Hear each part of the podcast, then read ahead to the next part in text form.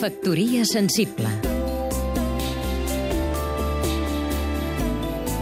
Eva Piqué, periodista i escriptora.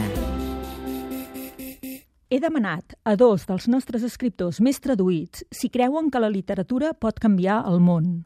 La pregunta del milió, vaja.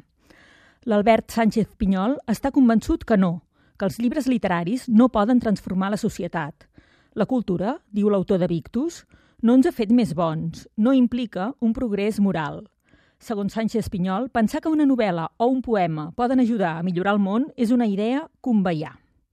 En canvi, en Jaume Cabré creu que la literatura sí que canvia la manera de veure el món que tenim les persones i, doncs, pot moure muntanyes. L'autor de Jo confesso pensa que la literatura té un poder transformador perquè es fa des de la llibertat. Per contra, la història ve marcada per la política, i ja sabem què passa, que l'escriuen els vencedors. Potser sí que hi ha un punt d'arrogància o d'ingenuïtat en la idea que la literatura pot canviar el món. A sobre, si escrius perquè vols canviar les coses, corres el risc de fer propaganda en lloc de literatura. Però a mi, què caram, hi ha llibres que m'han canviat la vida, que m'han fet ser com sóc. Juraria que les novel·les i els poemes ens transformen, per bé o per mal. I sospito que només val la pena llegir aquelles obres que s'han escrit amb el propòsit de canviar-nos la vida.